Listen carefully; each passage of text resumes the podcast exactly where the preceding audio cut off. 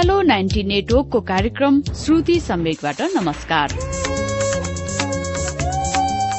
वरिष्ठ साहित्यकारहरूका उत्कृष्ट गद्यहरू वाचन गरिने कार्यक्रम श्रुति सम्वेकको आजको श्रृंखलामा हामीले तस्लिमा नसरिनको उपन्यास प्यासभित्रको विद्रोह लिएर आएका छौं गएको मंगलबारदेखि वाचन शुरू गरिएको उपन्यास प्यासभित्रको विद्रोहको दोस्रो श्रृंखला सुनौ अच्युत घिमिरेबाट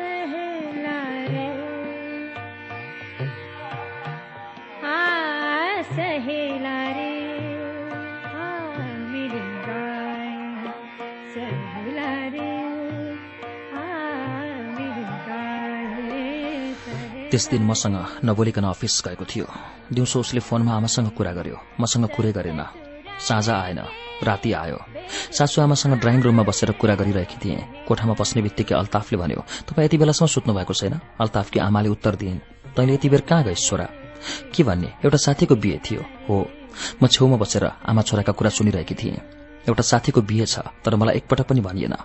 बिहेबारीमा जानु र खाने पिउन कुरा म छोडिदिन्छु। म एउटी केटी उनीहरूको पनि केही हो भन्ने कुरा उनीहरूले बिर्से। को साथी? उसको नाम के हो? कोसँग बिहे भयो? अल्ताफले भन्दै गयो केटी धेरै राम्री छ पढे लेखेकी छ ठूलो खानदान की हो। बुबा इन्जिनियर छन् केटीका दाजु दिदी क्यानाडामा बस्छन् आदि इत्यादि कुराहरू अल्ताफले आफ्नी आमालाई सुनायो।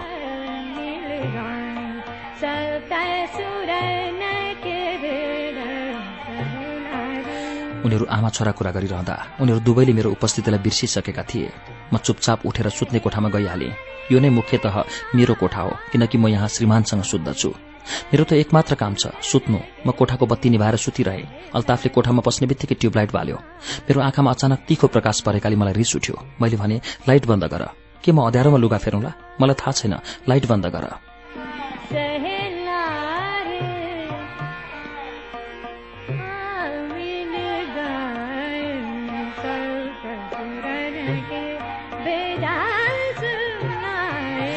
अल्ताफले बत्ती बालेकै अवस्थामा सर्ट खोल्यो लुङ्गी लगायो लुङ्गीलाई दाँतमा चेपेर पाइन्ट अन्डरबियर खोल्यो। मैले हेरिरहेँ र मलाई रिस उठ्यो। बत्ती अन राखेर नै ऊ बाथरूम गयो। बाथरूममा गएर उसले गीत गाउन थाल्यो। मायाको एउटा गीत छ। गीतको धुन मलाई धेरै राम्रो लाग्यो। गीत गाउँदा गाउँदै ऊ कोठामा आयो। म त्यो बेला आँखा बन्द गरेर सुतेकी थिएँ।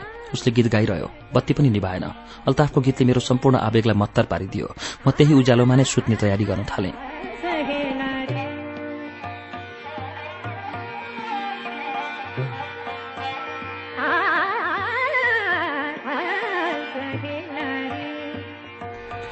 मैले महसुस गरेँ कि अल्ताफ मसँग बोलिरहेको छैन।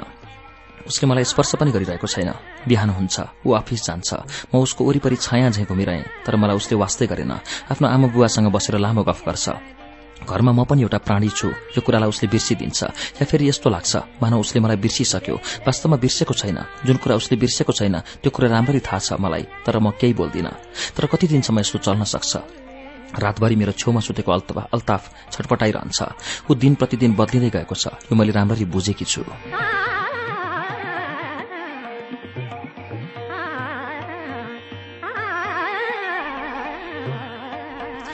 अल्ताफको अवस्था देखेर मलाई पीड़ा हुन्छ र म अल्ताफप्रति सहानुभूति पलाउँछ। एकपटक त लाग्छ कि उसैलाई दोषी प्रमाणित गरौं तर फेरि लाग्छ होइन गल्ती सायद मेरो हो। तर दोष जसको भए पनि हामीले बोली किन बार्ने? सम्बन्ध सुधार्ने पहल मेरोबाट नै बढ़ी हुन्छ। एक दिन सासु आमाले मलाई आफ्नो कोठामा बोलाइन् अल्ताफ यसरी किन चुपचाप बस्छ बुहारी? थाहा छैन। थाहा छैन भन्नुको अर्थ सासु आमाले उल्टै सोधिन् मेरो कुनै जवाफ नपाएपछि उनले थपिन्। तिमीले नै त थाहा पाउनुपर्छ। तिमी बाहेक अरू कसले थाहा पाउला? उहाँ चुपचाप बस्नुहुन्छ। यो कुरा त तपाईँले उहाँसँगै सोद्धा पनि हुन्छ। मलाई के तपाईँको छोराको सबै कुरा थाहा हुन्छ र?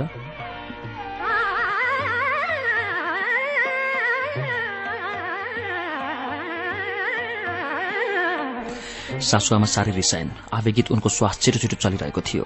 गोरो अनुहार रातो देखिन्थ्यो। सायद उनले यो बुझ्न सकिरहेकी थिएनन् कि मैले उनको सुपुत्रप्रति किन यस्तो अनुचित व्यवहार गरिरहेकी छु। ठूलो जीव भएकी महिला हाड जोर्नीको समस्याले प्राय कराइरहन्छन्। पाखुरामा घडीको फित्ता जस्तो खैकुन्नी के बाँधेकी छिन्? हातमा पित्तलको कड़ा छ। एक दिन राति पीड़ाले छटपटाइरहेकी थिइन्। गएर हातखुट्टा दबाउनुको साटो मैले भने यो सब के बाँध्नु भएको छ? यो खोलेर फाल्नुहोस्। मलाई त लाग्छ यो बाँध्नाले पीड़ा अझ बढ़ी हुन्छ।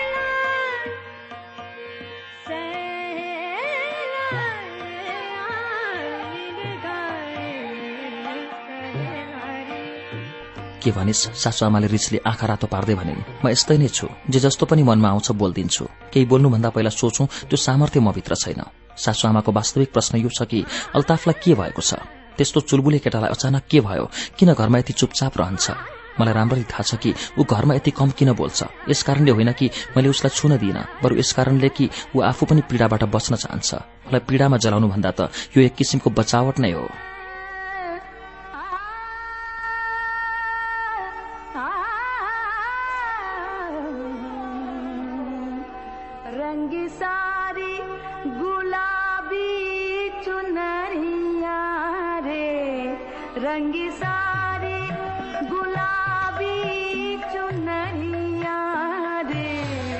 अल्ताफले धेरै दिनसम्म संयम बनाइ राख्न सक्दैन। उसले मलाई छुन्छ उसले छुनै पर्छ। मैले उसका तलतले औंलाहरूलाई देखेर बुझिहालेँ कि ऊ स्त्री शरीरलाई प्राप्त गर्न कति धेरै छटपटिएको छ। एक दिन बसेकी थिएँ सुत्न मन लागेको थिएन। एउटा गीत गुनगुनाउँदै थिएँ अमार इच्छे करे तोदरे मतो मनेर कथा कही बोलो सखी। अल्ताफले सायद ध्यानले सुनिरहेको थियो। उस सायद यो आशामा थियो कि मैले उसलाई खाना खाना बोलाउनेछु जसरी सासू ससुरालाई बोलाउने गर्छु। त्यो दिन मलाई कसैलाई बोलाउन मन लागेको थिएन। इच्छा भइरहेको थियो कि गाई रहँ। खाना खाने मन थिएन। खुला झ्यालबाट पूर्ण चन्द्रमाको उज्यालो कोठाभरि घोप्टिएको थियो।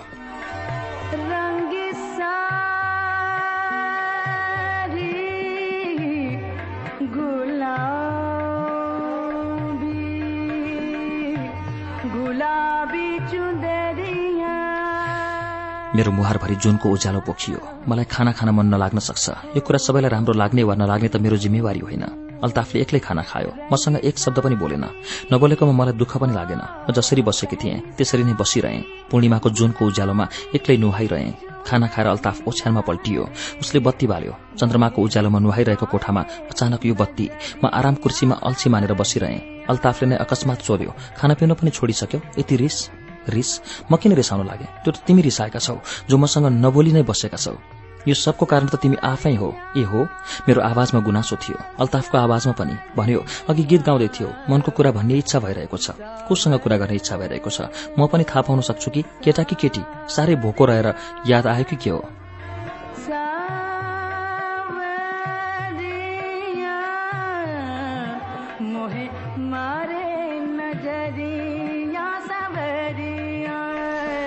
अल्ताफको कुराको जवाफ दिने इच्छा नै थिएन।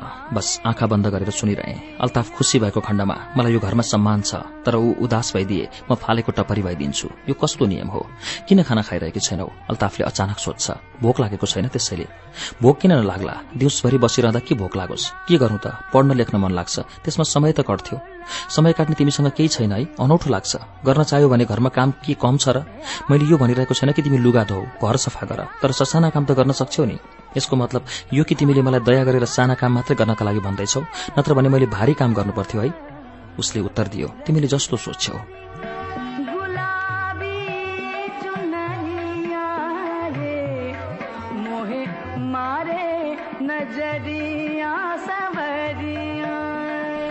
मैले जवाफमा केही भनिन। भन्नका लागि के नै छ र बिहेको बेला कुनै यस्तो शर्त भएको थिएन कि म उसको घरको कुनै काममा हात लगाउने छैन। बरु घरका सबै सदस्यहरूले मलाई घुमाइ फिराइकन यही कुरा सम्झाएका थिए कि जसरी भए पनि पतिको सेवा गर्नु। रात गहिरिँदै गयो। मेरो राम्रो नलाग्नु पनि बढ्दै गयो। ओछ्यानमा गएर सुत्न पनि मन लागेको थिएन। अल्ताफ पनि सुत्दैन। उसको नसुत्ने कारण पनि बुझेकी छु मैले। उसले यो चाहिरहेको छ कि म गएर सुतौं अनि ऊ ममाथि उफ्रियोस्। यो कुरा सोच्दैमा पनि मेरो सम्पूर्ण शरीर काँप्दछ।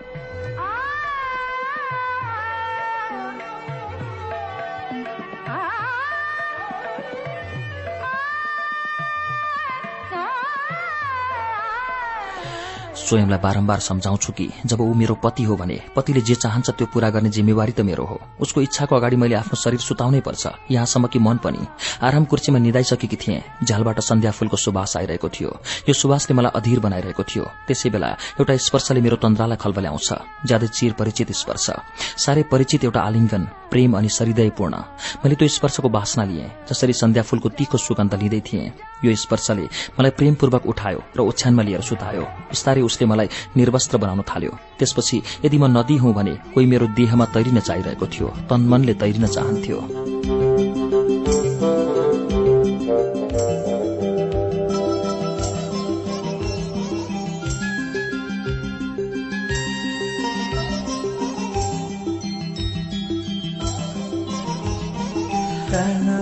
उसको श्वास गहिरो र तीव्र हुँदै जान्छ। उसले कहिले पौडिन पनि जानेको थियो जस्तो मलाई लागेन उसले पौडिने धेरै प्रयास गरिरहेको छ।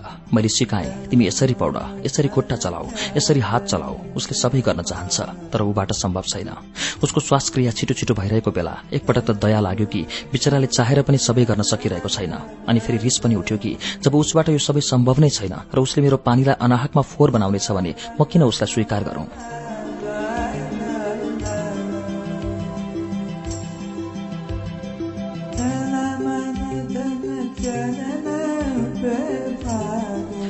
छैन। कति रातिसम्म अल्ताफले पौडिने प्रयास गरिरह्यो। म रिसाउन चाहँदैनथे तर मेरो शारीरिक पीड़ाले मलाई रिसाउन बाध्य बनायो। मेरो शरीरले नै त्यो पौडिन नजान्ने शरीरलाई धकेलेर अलग्याइदियो उसलाई आफूबाट टाढा बनाउँछु म। यो कार्यप्रति अल्ताफले कुनै टिप्पणी गरेन। उसले केवल करूण नजरले मतिर हेरिरह्यो।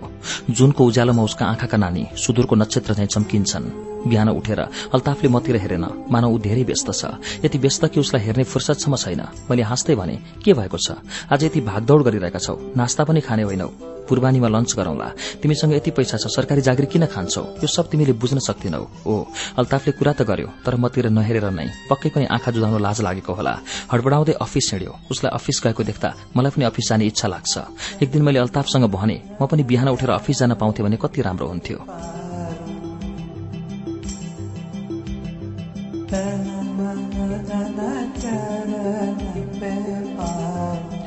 अल्ताफ ठूलो आवाजमा हाँस्यो। हाँसोको कुरा त हो नि। घरकी बुहारी जसलाई घरको रेखदेख गर्नु छ उसले यदि घर परिवार छोडेर जागिर गर्न चाहन्छ भने हाँसो उठ्दो कुरा भएन र। सासूआमाले त्यो दिन सिडी हेर्ने इच्छा जाहेर गर्नुभयो। रमजानसँग एउटा फिल्मको क्यासेट मगाए रूपकी रानी चोरोको राजा। नाम पढेर मैले मुख बिगारेर भने धत यो फिल्म बेकारको छ। सासूआमाले हाँस्दै भन्नुभयो छैन राम्रो छ। तिमी हेर त सही। फिल्म हेरिरहेका बेला सासूआमाको हातमा तस्बिह जपमाला पनि थियो। उहाँले फिल्मको आनन्द लिइरहनु भएको थियो। म अचम्म मानेर सासूआमाको मुस्कुराइरहेका आँखा र मुहार हेरिरहेकी थिएँ। उहाँले पूरै दिउँसो फिल्म हेरेर बिताउनुभयो। म त्यही ओछ्यानमा पल्टेकै अवस्थामा निधाएछु। राति निद्रा पर्दैन। त्यसैले मलाई दिउँसो निद्रा लाग्छ। फेरि यस किसिमका फिल्महरूमा मलाई बाँधी राख्ने खुबी पनि हुँदैन।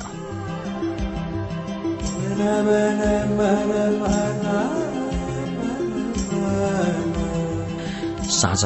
अल्ताफ बिहानको अपेक्षा बढ़ी सहज छ। भन्यो हिँडा आज साभार जाउँ। म आफैले गाडी ड्राइभ गरौंला हुन्छ?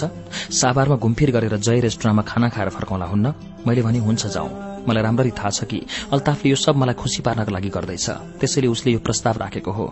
दिनहु म उसँग रिसाउँदैछु। मलाई खुशी नपारेर उसको काम चल्छ कसरी? हामी दुईलाई सँगै बाहिर निस्केको देखेर सासूआमाको मुहारमा पनि खुशीको आभा देखियो।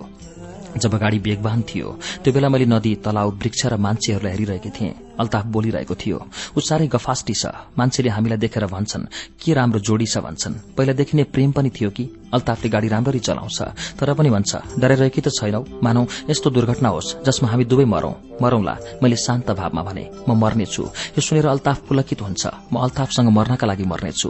मेरो भन्नुको तात्पर्य यस्तो थिएन। वास्तवमा मैले उसलाई यो कुरा बुझाउन सकिन। उसले सहजै यो मान्यो कि म उसलाई प्रेम गर्छु। साभारमा हरिया वृक्षहरूका पंक्तिले म भित्र आनन्दको अद्भुत संसार गर्यो। यस प्रकृतिको सन्तान हुँ। यो हरियोमा आवास बनाउनु सायद साह्रै सुखद छ।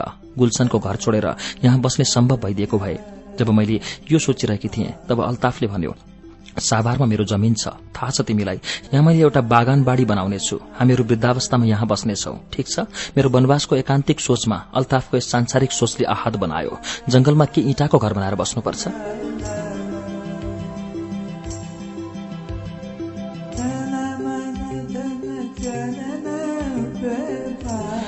बाटोभरि अल्ताफ मात्रै बोलिरह्यो। मैले केवल हरियाली नियाली रहेँ दुवै आँखाभरि मैले केवल प्रकृतिलाई समेटेँ। राति डराएर भए पनि खाना खाएँ। खाँदा खाँदै अल्ताफले भन्यो मलाई धोका त दिँदैनौ हिरा। मैले हाँस्दै भने डराउने कारण त भन। तिमीले पहिलाको जस्तो व्यवहार गर्दिनौ। पहिला भनेको बिहेपछिको जस्तो। बिहेको दिन त तिमी मसँग टाँसिएर सुतेकी छौ। अचेल सुछ्यौ र भन त। समय के सदैव एउटै रहन्छ र किन किन रहँदैन? मान्छे ठूलो हुन्छ उसको बुद्धि विकास हुन्छ। दिन बदलिँदैछ म पनि बदलिँदैछु। म बदलिसकेको छु। यो सुनेपछि अल्ताफले फेरि कुनै प्रश्न मसँग गरेन। बाहें डाल के बाहों में दिल तोड़ने वाले देख के चल। हम भी तो पड़े हैं राहों में। हम भी तो पड़े हैं राहों में। यसबाहेक मैले भन्न पनि के सक्थेँ र? यदि उसँग टाँसिएर सुत्नु मेरो मनले मान्दैन भने म के गरौँ? आफ्नो इच्छा विरूद्ध कति दिन जान सक्छु? साभारबाट फर्केपछि ओछ्यानमा पल्टेको बेला मैले उसलाई भने यदि मैले ब्लू फिल्म हेर्न चाहेँ भने ब्लू फिल्म हेर्न चाहन्छौ। हाँ मेरो आवाज डर या काँतरपनाले रत्तीभर पनि काँपेन। ब्लू फिल्म हेर्न चाहन्छौ। यो सब कसले सिकायो तिमीलाई? छिछि तिमी यति घृणित भइसक्यौ मलाई त विश्वास पनि लाग्दैन। अल्ताफको आवाजमा घृणा मिसिएको थियो। पति पत्नीले ब्लू फिल्म हेरेमा के बिग्रन्छ र? मैले हाँस्दै भने वैयात कुरा बन्द गर अल्ताफ रिसायो। पाइन्ट खोलेर उसले लुङ्गी लगायो। लुङ्गीबाटै उसले गुप्त ठाउँ कन्यायो।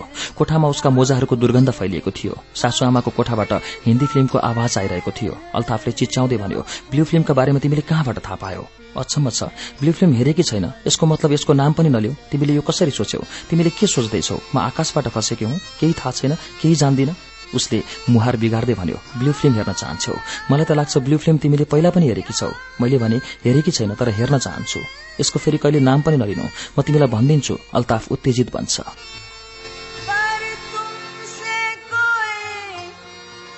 शिकवा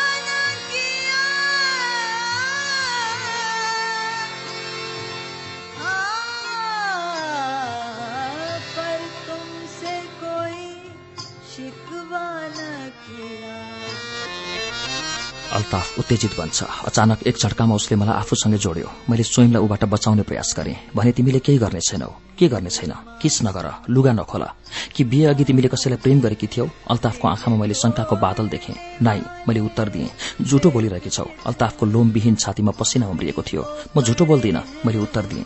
अल्ताफले मेरा पाखुरा जोडले समातेर भन्यो पक्कै पनि तिमीलाई उसको याद आउँदैछ। कसको? अरू कसको? आफ्नो प्रेमीको? ठूलो आवाजमा हाँस्दै मैले भने रत्तीभर पनि याद आइरहेको छैन। यदि तिम्रो आमा बाबुसँग यो कुरा भनिदिए भने झुटो किन भन्छौ? म सब कुरा बुझ्दछु। बुझेको भए यो सबै भन्ने थिएनौ। मलाई तिमी सहन सक्दिनौ। किन सहन सक्दिनौ? म राम्रो छैन। राम्ररी कुरा गर्न सक्दिन। व्यवहार जान्दिन वा तिम्रो लागि गहना कपडा किन्दिन। तिम्रो व्यवस्था गर्छु। भन त अल्ताफले प्रश्न गर्यो। बिल्कुल होइन। उसो भए फेरि यो सब किन? उसो भए योको जवाफ मैले अल्ताफलाई दिन सकिन। जवाफ दिने इच्छा नै हुँदैन। जब रातों में तूने खुद हमसे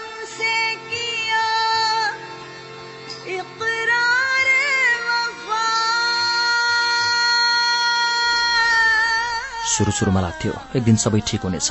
बेचैनी र छटपटाहट रहने छैन। एउटा सुत्ने एउटा जाग्ने यस्तो हुने छैन। तर दिन बिते वर्ष बिते जस्तो थियो। त्यस्तै रह्यो। जस्तो थियो उस्तै। हरेक रात एउटा ओछ्यानमा अल्ताफको शरीरसँग सटेर मलाई सुत्नुपर्छ।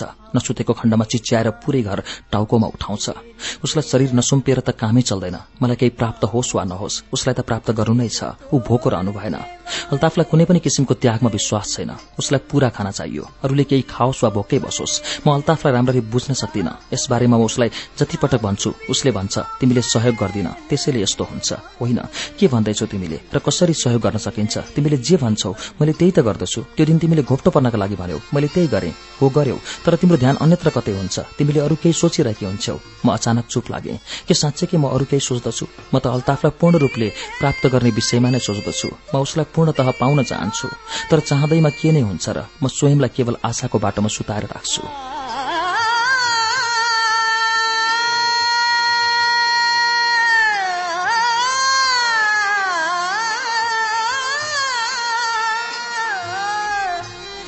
ऊ सुत्नका लागि आउँछ। म राम्ररी बुझ्न सक्छु कि मेरो मौनताको अल्ताफले आनन्द लिइरहेको हुन्छ।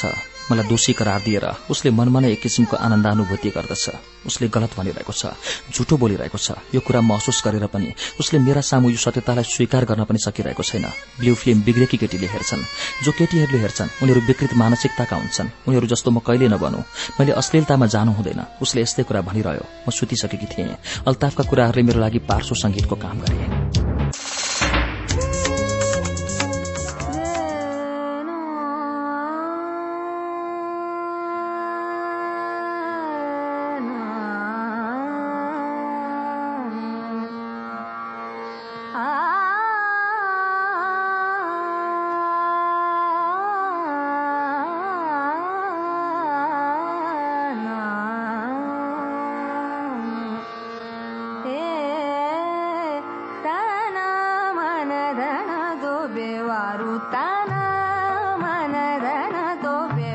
एक दिन दिउँसोतिर अल्ताफकी साथीकी श्रीमती रुबिना म कहाँ कुराकानी गर्न आई? उसको लोग्ने दुबई गएको थियो। खाली समय काट्न गाह्रो भएकाले मसँग आफ्नो खाली समय बिताउन आएकी थिए। रुबिनाले आफ्नो हाँसो दबाउँदै भने भाउजू छोराछोरी जन्माउने इच्छा छैन कि के हो? अझ कति रमाइलो गर्ने इच्छा छ? रमाइलो भनेको मैले प्रश्न गरेँ रुबिना केही हच्की पति पत्नी बीचको रमाइलोको अर्थ यदि विवाहिता भएर पनि थाहा छैन भने उसले के भनोस्? उसले स्वयंलाई सामान्य बनाउँदै भने लुकाउँदैछौ रुबिनासँग मैले सोयासदी भिडियो कनेक्सन स्काई रूमको खाना आदिको विषयमा कुरा गरिरहेकी थिएँ। यी कुराहरूमा कुनै चासो नदिएर ऊ मलाई हावामा उडाउन थाल्छे।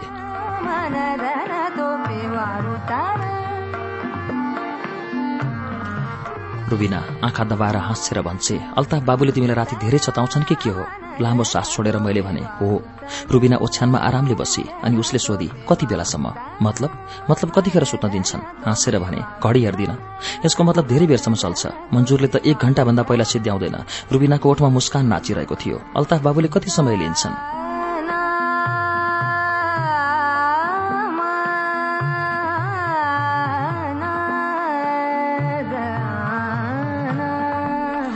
उसले केही रसिला कुरा मेरो मुखबाट सुन्न चाहन्थे तर यी कुरा कसरी भनिन्छन् मलाई थाहा छैन। अल्ताफले मलाई केही सिकाएन। म चुप लागेँ। रुबिनाले मेरो हात समातेर मलाई आफू नजिकै तानी। उसले भनी यति लाज किन? हामीसँगै बस्यो भने हेर्नु लाज शर्म कहाँ भाग्छ कहाँ? मेरो बोली त अझ बढी राम्रो छ। लिपि भाउजूको बेला फेला पर्यो भने बल्ल थाहा पाउली उसले यस्ता कुरा यति धेरै जान्दछ कि कुरे नगर। रुबिना जोरले हाँस्न थाली। म चकित भावले उसको मुहार हेरिरहेकी थिएँ। उसको मुहारमा कति सन्तुष्टिको भाव थियो।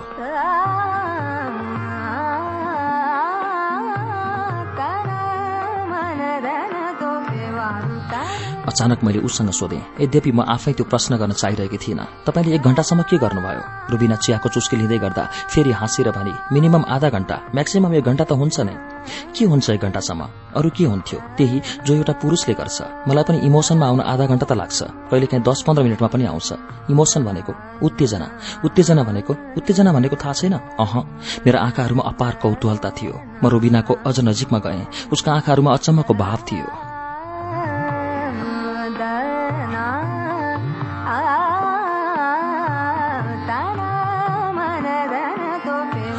रुबिनाले मेरो कुरा पत्याइरहेकी थिइन उसले भने साँच्चै हो मैले टाउको हल्लाएर भने हो हो सो क्युट यार। अल्ताफ बाबुले कहिल्यै केही भनेनन्। अह के तिमीलाई उत्तेजनाको अर्थ थाहा छैन। त्यही जो पूरै शरीरमा एक किसिमको अनुभूति हुन्छ। यसलाई तिमीले राम्रो लाग्ने पनि भन्न सक्छौ। यसपछि निद्रा लाग्छ। तर मेरो शरीरमा त एक किसिमको छटपटी हुन्छ। निद्रा पर्दैन। रातभरि छटपटाइरहन्छु। रुबिना छक्क परी। भनी के भन्दैछौ वीरा? तिमी छटपटाउँछ र अल्ताफ बाबुले के गर्छन् त? उनलाई त मिठो निद्रा लाग्छ।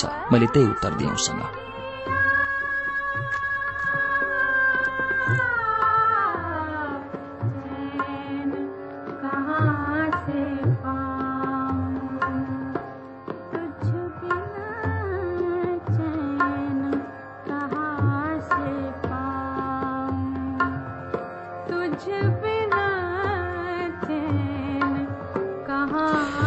रुबिनाको हैरानीको अन्त्य हुँदैन। मानव उसले कुनै भूतको कहानी सुनिरहेकी थिए। धेरै बेरसम्म मौन भएपछि उसले बिचरी भनेर मलाई अङ्कमाल गरी उसको मुखबाट चुकचुकाएको स्वर आइरहेको थियो। मैले स्वयंलाई साह्रै लाचार महसुस गरिरहेकी थिएँ। साह्रै एक्ली साह्रै वञ्चित। फेरि उसले सोधी त्यस्तो हुँदैन जस्तो पूरै शरीरमा एक किसिमको राम्रो लाग्नु। कहिले त्यस्तो महसुस भएन? मैले लाचारीमा टाउको हल्लाएँ। नाइ राम्रो लाग्ने कुनै अनुभूतिसँग म कहिले परिचित भएन। मलाई अल्ताफले यस्तै सोच्न सिकायो कि यो आनन्द एकतर्फी उसको मात्रै हुन्छ। यसबाट अरू कुनै चिजको प्राप्ति पनि हुन्छ। अल्ताफले कहिल्यै सिकाएन। अल्ताफलाई यो कुराको ज्ञान छैन। वा उसले थाहा पाएर पनि केही भन्दैन। मैले बुझ्न सकेकी छैन।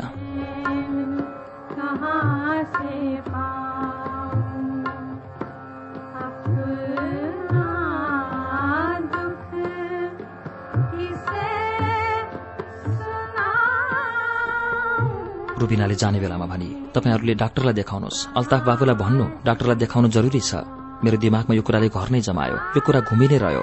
मलाई यसबाट छुटकारा मिलेन। मलाई अरू कुनै पनि कुरामा मन लाग्न छोड्यो। अल्ताफ आउने बित्तिकै मैले भने मेरो एउटा कुरा मान्छौ? कस्तो कुरा? उसले प्रश्न गर्यो। पहिला भन मान्छौ या मान्दैनौ? पहिला सुनौ त हिँड डाक्टर कहाँ जाउँ किन डाक्टर कहाँ? हामी दुवैले डाक्टरलाई देखाउनुपर्छ। तिम्रो मन छ भने तिमी जाऊ। मलाई कुनै आवश्यकता छैन। उसले उत्तर दियो। मेरो विचारमा समस्या तिम्रो हो। डाक्टरलाई देखाउँदा ठिक हुन्छ भने हामी किन नजाने? हिरा वास्तवमा समस्या तिम्रो हो। तिमीले के सोचेकी छौ? घर परिवारमा तिम्रो मन छैन। दिउँसभरि एउटै चिन्ता। अफिसबाट फर्कँदा तिम्रो मुस्काउँदो मुहार नदेखेको कति भयो? मैले त तिमीलाई यस्तै केटी सोचेकै थिइनँ। तिमी यति बिग्रेकी केटी हौ। यो कुरा मैले बिहे पहिला थाहा पाइन। वास्तवमा तिमीलाई मानसिक समस्या छ। तिमीलाई कुनै मनोचिकित्सकलाई देखाउनुपर्छ। कम पढेकी छौ। विद्या ज्ञान छैन। दिउँसभरि मात्र सेक्स सेक्स र सेक्सको बारेमा सोच्दछौ। सबै वायात कुरा।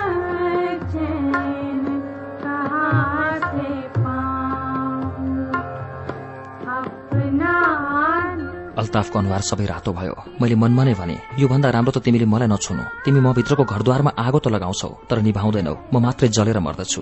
अल्ताफ चिच्याउन थाल्यो। तिमी के सोच्दछौ? मलाई केही थाहा छैन। तिमी किन यस्तो गर्छौ? किन तिमीलाई यसको बारेमा यति धेरै जानकारी छ? यति धेरै अनुभव छ? भन किन गर्छौ? मैले चिसो आवाजमा भने यतिका दिनसम्म सबैको चिन्तामा विषय रह्यो कि बुहारी किन चिन्तित रहन्छे किन उदास रहन्छे के सोच्दछे। मैले यो कुरा नसुने चाहिँ गरिदिएँ तर अब बुझ्दैछु तिमीलाई पहिलादेखि नै यसको अनुभव थियो त्यो तिम्रो पूर्व अनुभूति थियो। तिमीलाई अन्तिम चेतावनी दिएर भन्छु फोहोरी केटीको जस्तै गरी सोच्न बन्द गर र यस्ता वाह्यात कुरा नसोच। कम्तीमा मेरो घरमा तिम्रो यो घिनौनो काम बन्द गर।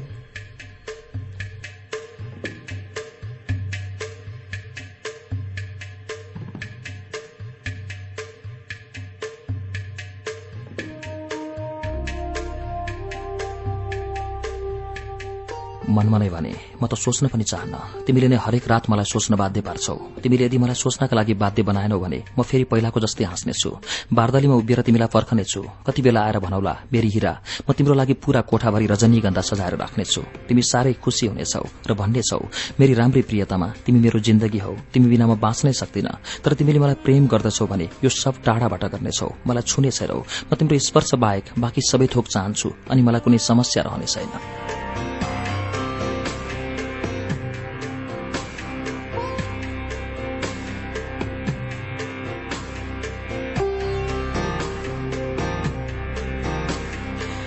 राति ओछ्यानमा सुत्ने इच्छा भएन। अल्ताफले मानेन ऊ नजिकै आएर उभियो। भन्यो उठ। उसको आवाजमा आदेश थियो उठ्नै पर्यो। उसको आँखामा आवेग थियो रिस थियो। मैले भने मलाई साह्रै निद्रा लागेको छ। लाग्न देऊ उठ। बिहे छुट्टा छुट्टै ओछ्यानमा सुत्नका लागि गरेको होइन। अल्ताफले मेरो हात समातेर तान्यो कोठामा लियो। मैले एउटा पातलो नाइट ड्रेस लगाएकी थिएँ। त्यो एकैचोटि खोल्यो उसले। बिहे भएको केही दिनसम्म यही स्पर्शले कति आनन्द दिन्थ्यो। पुरै नभए पनि थोरै त दिन्थ्यो। तर अब अल्ताफका तीनै हातहरूले त्यही स्पर्शले म भित्र भीषण घृणा जगाउँछन्।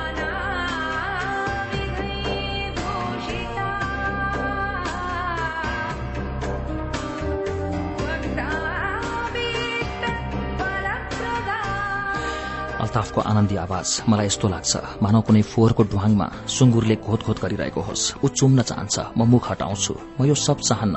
यो सब मलाई राम्रो लाग्दैन। म आफ्नो शारीरिक निर्लिप्तताबाट उसलाई यो कुराको अनुभूति गराउँछु।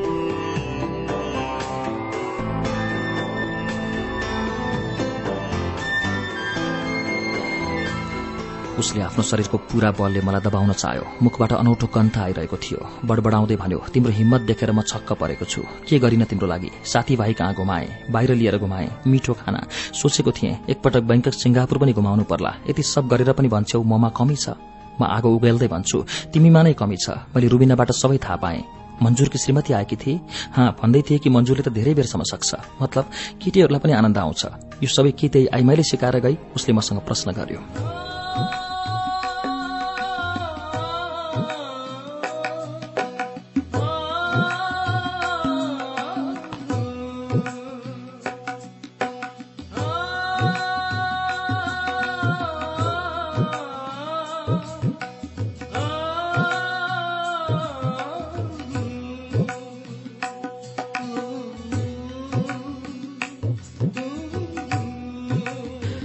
केही बोलिन अल्ताफको भनाइबाट लाग्थ्यो मानव दोष उसको नभएर रुबिनाको हो। रुबिनाले कुरा लगाउनाले मात्रै हामी दुईमा भन्छुन भइरहेको छ। अल्ताफ एकैचोटि ओछ्यानबाट उठ्यो। छड्के नजरले मैले हेरेँ ऊ भित्र एउटा छटपटी थियो। बाथरूममा गएर उसले सावर खोल्यो। टाउको नुहायो। टाउकोमा पानी हाल्नाले भन्छन् मन शान्त हुन्छ। सायद त्यसैले अल्ताफले मन शान्त गर्दैछ।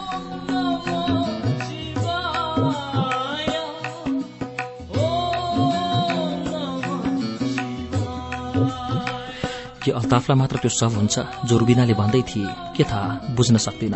उसले केही भन्दा पनि भन्दैन। मलाई त्यो सबै कुरा थाहा पाउने इच्छा हुन्छ। सब कुरा धमिलो झैं लाग्छ। मानौ पति पत्नीको बीचमा कुनै अद्भुत घटना घटेको होस्। सबै कुरा रहस्यमय लाग्दछ। यदि यो कुनै पर्खाल हो भने मैले यसलाई भेदन गर्न सकिरहेकी छैन। मलाई सबै थोक अवेद्य झैं लाग्छ। म त्यहाँसम्म पुग्न चाहन्छु तर सब कुरा धेरै टाढाको लाग्छ। म अल्ताफबाट बुझ्न चाहन्छु। एकपटक मैले अल्ताफलाई भने म तिमीलाई सर्वाङ्ग देख्न चाहन्छु।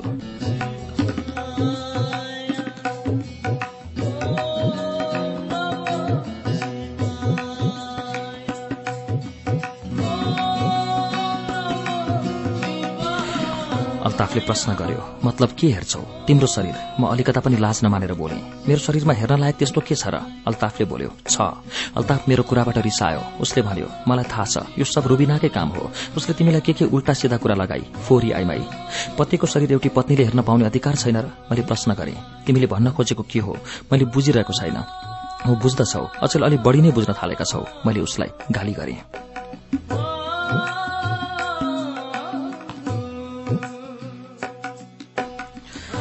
अल्ताफले लुङ्गी कसेर लगाउँछ चुरोट चल्काउँछ लामो लामो कस तान्छ कोठा धुवाले भरिन्छ कोठामा एसी चलिरहेको छ तर अल्ताफ पसिनाले भिजेको छ।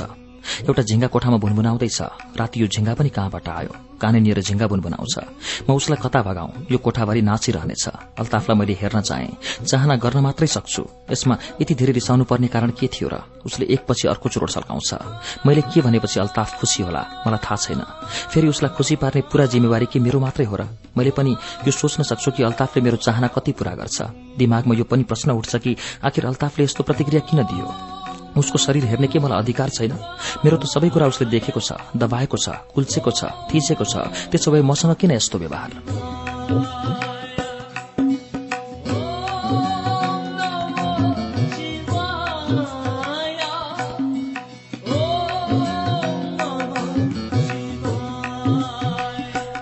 अल्ताफलाई मैले राम्ररी बुझ्न सकिनँ। त्यस रात ऊ सुत्न सकेन। उसलाई आफ्नो शरीर देखाऊ भनेकी थिएँ। त्यो पनि गरेन। देखाएको भए के फरक पर्थ्यो र? नपुंसक त छैन ऊ।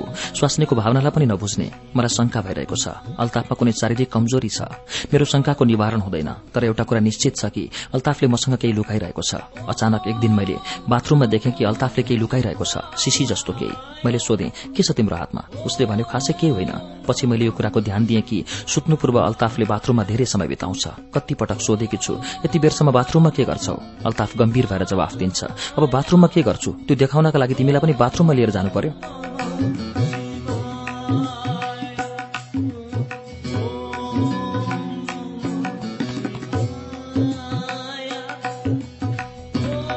अल्ताफमाथि मलाई शंका लाग्छ। ऊ डाक्टर कहाँ किन जाँदैन? उसले मलाई आफ्नो शरीर किन देखाउन चाहँदैन उसलाई कुनै शारीरिक समस्या त पक्कै छ। मेरो शंकाको अन्त्य हुँदैन। उसको जे जस्तो छ त्यसको बारेमा मैले किन थाहा नपाउने? मैले त बिस्तारै आफ्नो सम्पूर्ण कुरा उसलाई भनिसकेकी छु। यदि म पूर्ण रूपले अनावृत हुन सक्छु भने उसलाई के को समस्या?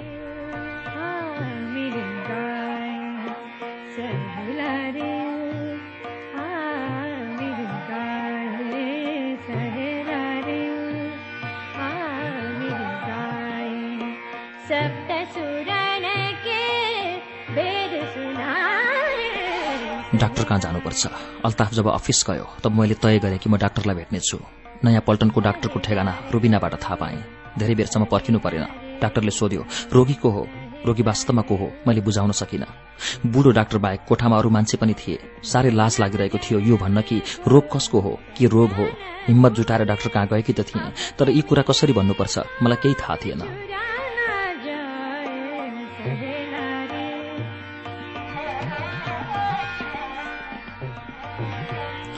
तिनै मान्छेहरूले मसँग सोधे म विवाहित या अविवाहित? विवाहित भन्ने कुरा थाहा पाएपछि सोधे कि पति कहाँ छ ऊ किन आएन? यस किसिमका अरू प्रश्न गरिसकेपछि डाक्टरको असिस्टेन्टले मेरो समस्या थाहा पाउन चाह्यो। केही जोडा कानहरू मेरो समस्या सुन्न लालायित थिए। मैले असहजता महसुस गरिरहेकी थिएँ। यति निजी समस्या यतिका मान्छे सामु भन्न सकिन्छ र थुक निल्दै टेबलको किनारा नङले कोतर्दै आँखा झुकाएर मैले यस्तो भने राति पतिसँग जे हुन्छ त्यो मलाई राम्रो लाग्दैन। डाक्टरले सोध्यो किन राम्रो लाग्दैन? मलाई भन्न गाह्रो भइरहेको थियो। मैले रुबिनालाई सम्झेँ। उसले भनेकी थिए मनमा लागेको शंका र समस्या कति नहडबडाएर भन्नु आफ्ना समस्या लाज नमानेर सुनाउनु त्यसैले अलिकता रोकिएर घाँटी सफा गरेर मैले भने मलाई कुनै सुख प्राप्त हुँदैन।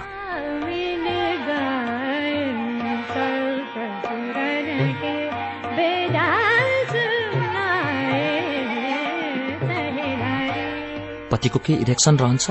डाक्टरको प्रश्नको मैले कुनै जवाफ दिइनँ। के जवाफ दिन्थे? जब मैले इरेक्सनको अर्थ नै थाहा पाइनँ। चुप लागेपछि डाक्टरले मलाई सम्झाएर भन्यो कि इरेक्सनको अर्थ सुख हुन्छ? मैले भने मलाई थाहा छैन। उसलाई त्यो सब हुन्छ कि हुँदैन? डाक्टरले प्रेस्क्रिप्सन लेख्नका लागि कलम निकालेको मात्र के थियो? फेरि भन्यो श्रीमानले पनि आउनै पर्छ। मैले उत्तर दिएँ उहाँ त आउनै चाहनुहुन्न।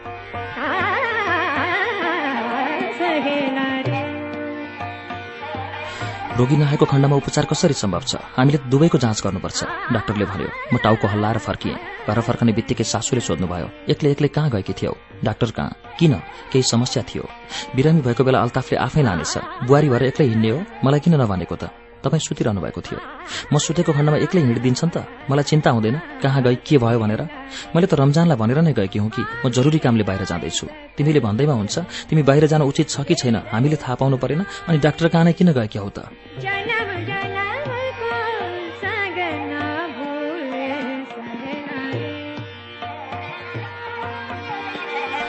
म सासूलाई केही नभनी नै सुत्ने कोठामा गइहाले। छातीमा सिरानी टाँसेर सुतिरहेँ। साँझ अल्ताफ फर्केपछि यो सूचना दिइयो कि म एक्लै घरबाट बाहिर गएकी थिएँ। सासू आमाले सायद यो भन्नुभयो कि बुहारीको जिउ सन्चो छैन। बिरामी भएको बेला तिमी आफैले उसलाई लान सक्दैनौ? घरको बुहारी ऊ डाक्टरकोमा एक्लै जानु उचित हो र मान्छेले के भन्लान्? अल्ताफले कुनै जवाफ दिएन र ऊ सरासर कोठाभित्र आयो। आउने बित्तिकै उसले सोध्यो कहाँ गएकी थियौ? नयाँ पल्टन? किन? डाक्टर कहाँ? अल्ताफको मुहार रिसले रातो देखियो। उसले भन्यो डाक्टर कहाँ किन? तिमी बिरामी छौ? मैले कुनै जवाफ दिइनँ बरु उसको रिसले मुरमुरिएको मुहार हेरिरहेँ। केही समयपछि अल्ताफले आफ्ना नजर झुकायो। त्यो रात ऊ पनि अर्कोतिर मुख फर्काएर सुत्यो। मैले नै उसलाई हल्का स्पर्शले बिउझाएँ तिमी रिसाएको हो?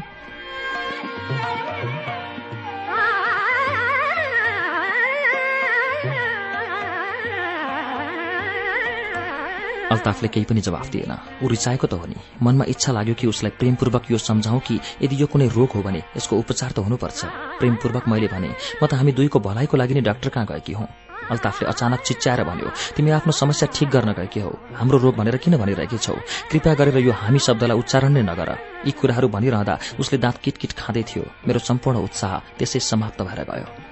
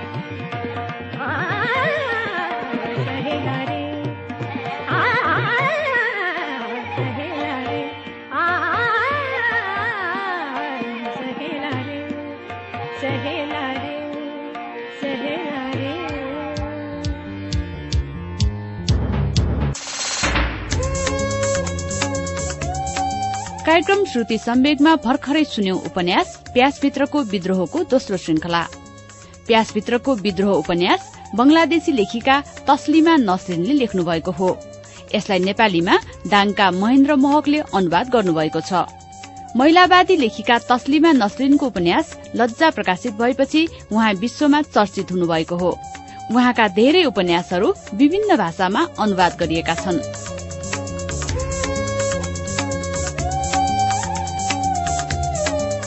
हवस् त आजको लागि श्रुति सम्वेकको समय सकिएको छ। उज्यालो नाइन्टी नेटवर्कको कार्यक्रम श्रुति सम्वेक तपाईलाई कस्तो लाग्दैछ? प्रतिक्रिया दिन नबिर्सनुहोला। हाम्रो ठेगाना हो कार्यक्रम Shruti Sambek post box number छ चार छ नौ काठमाडौँ।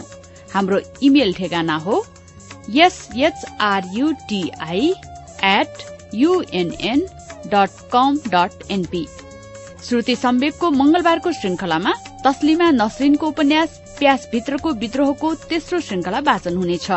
शुक्रबारको श्रुति सम्वेगमा हामी कृष्ण धारावासीको उपन्यास राधा लिएर आउनेछौ।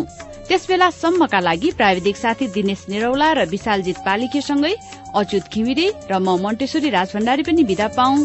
शुभरात्री।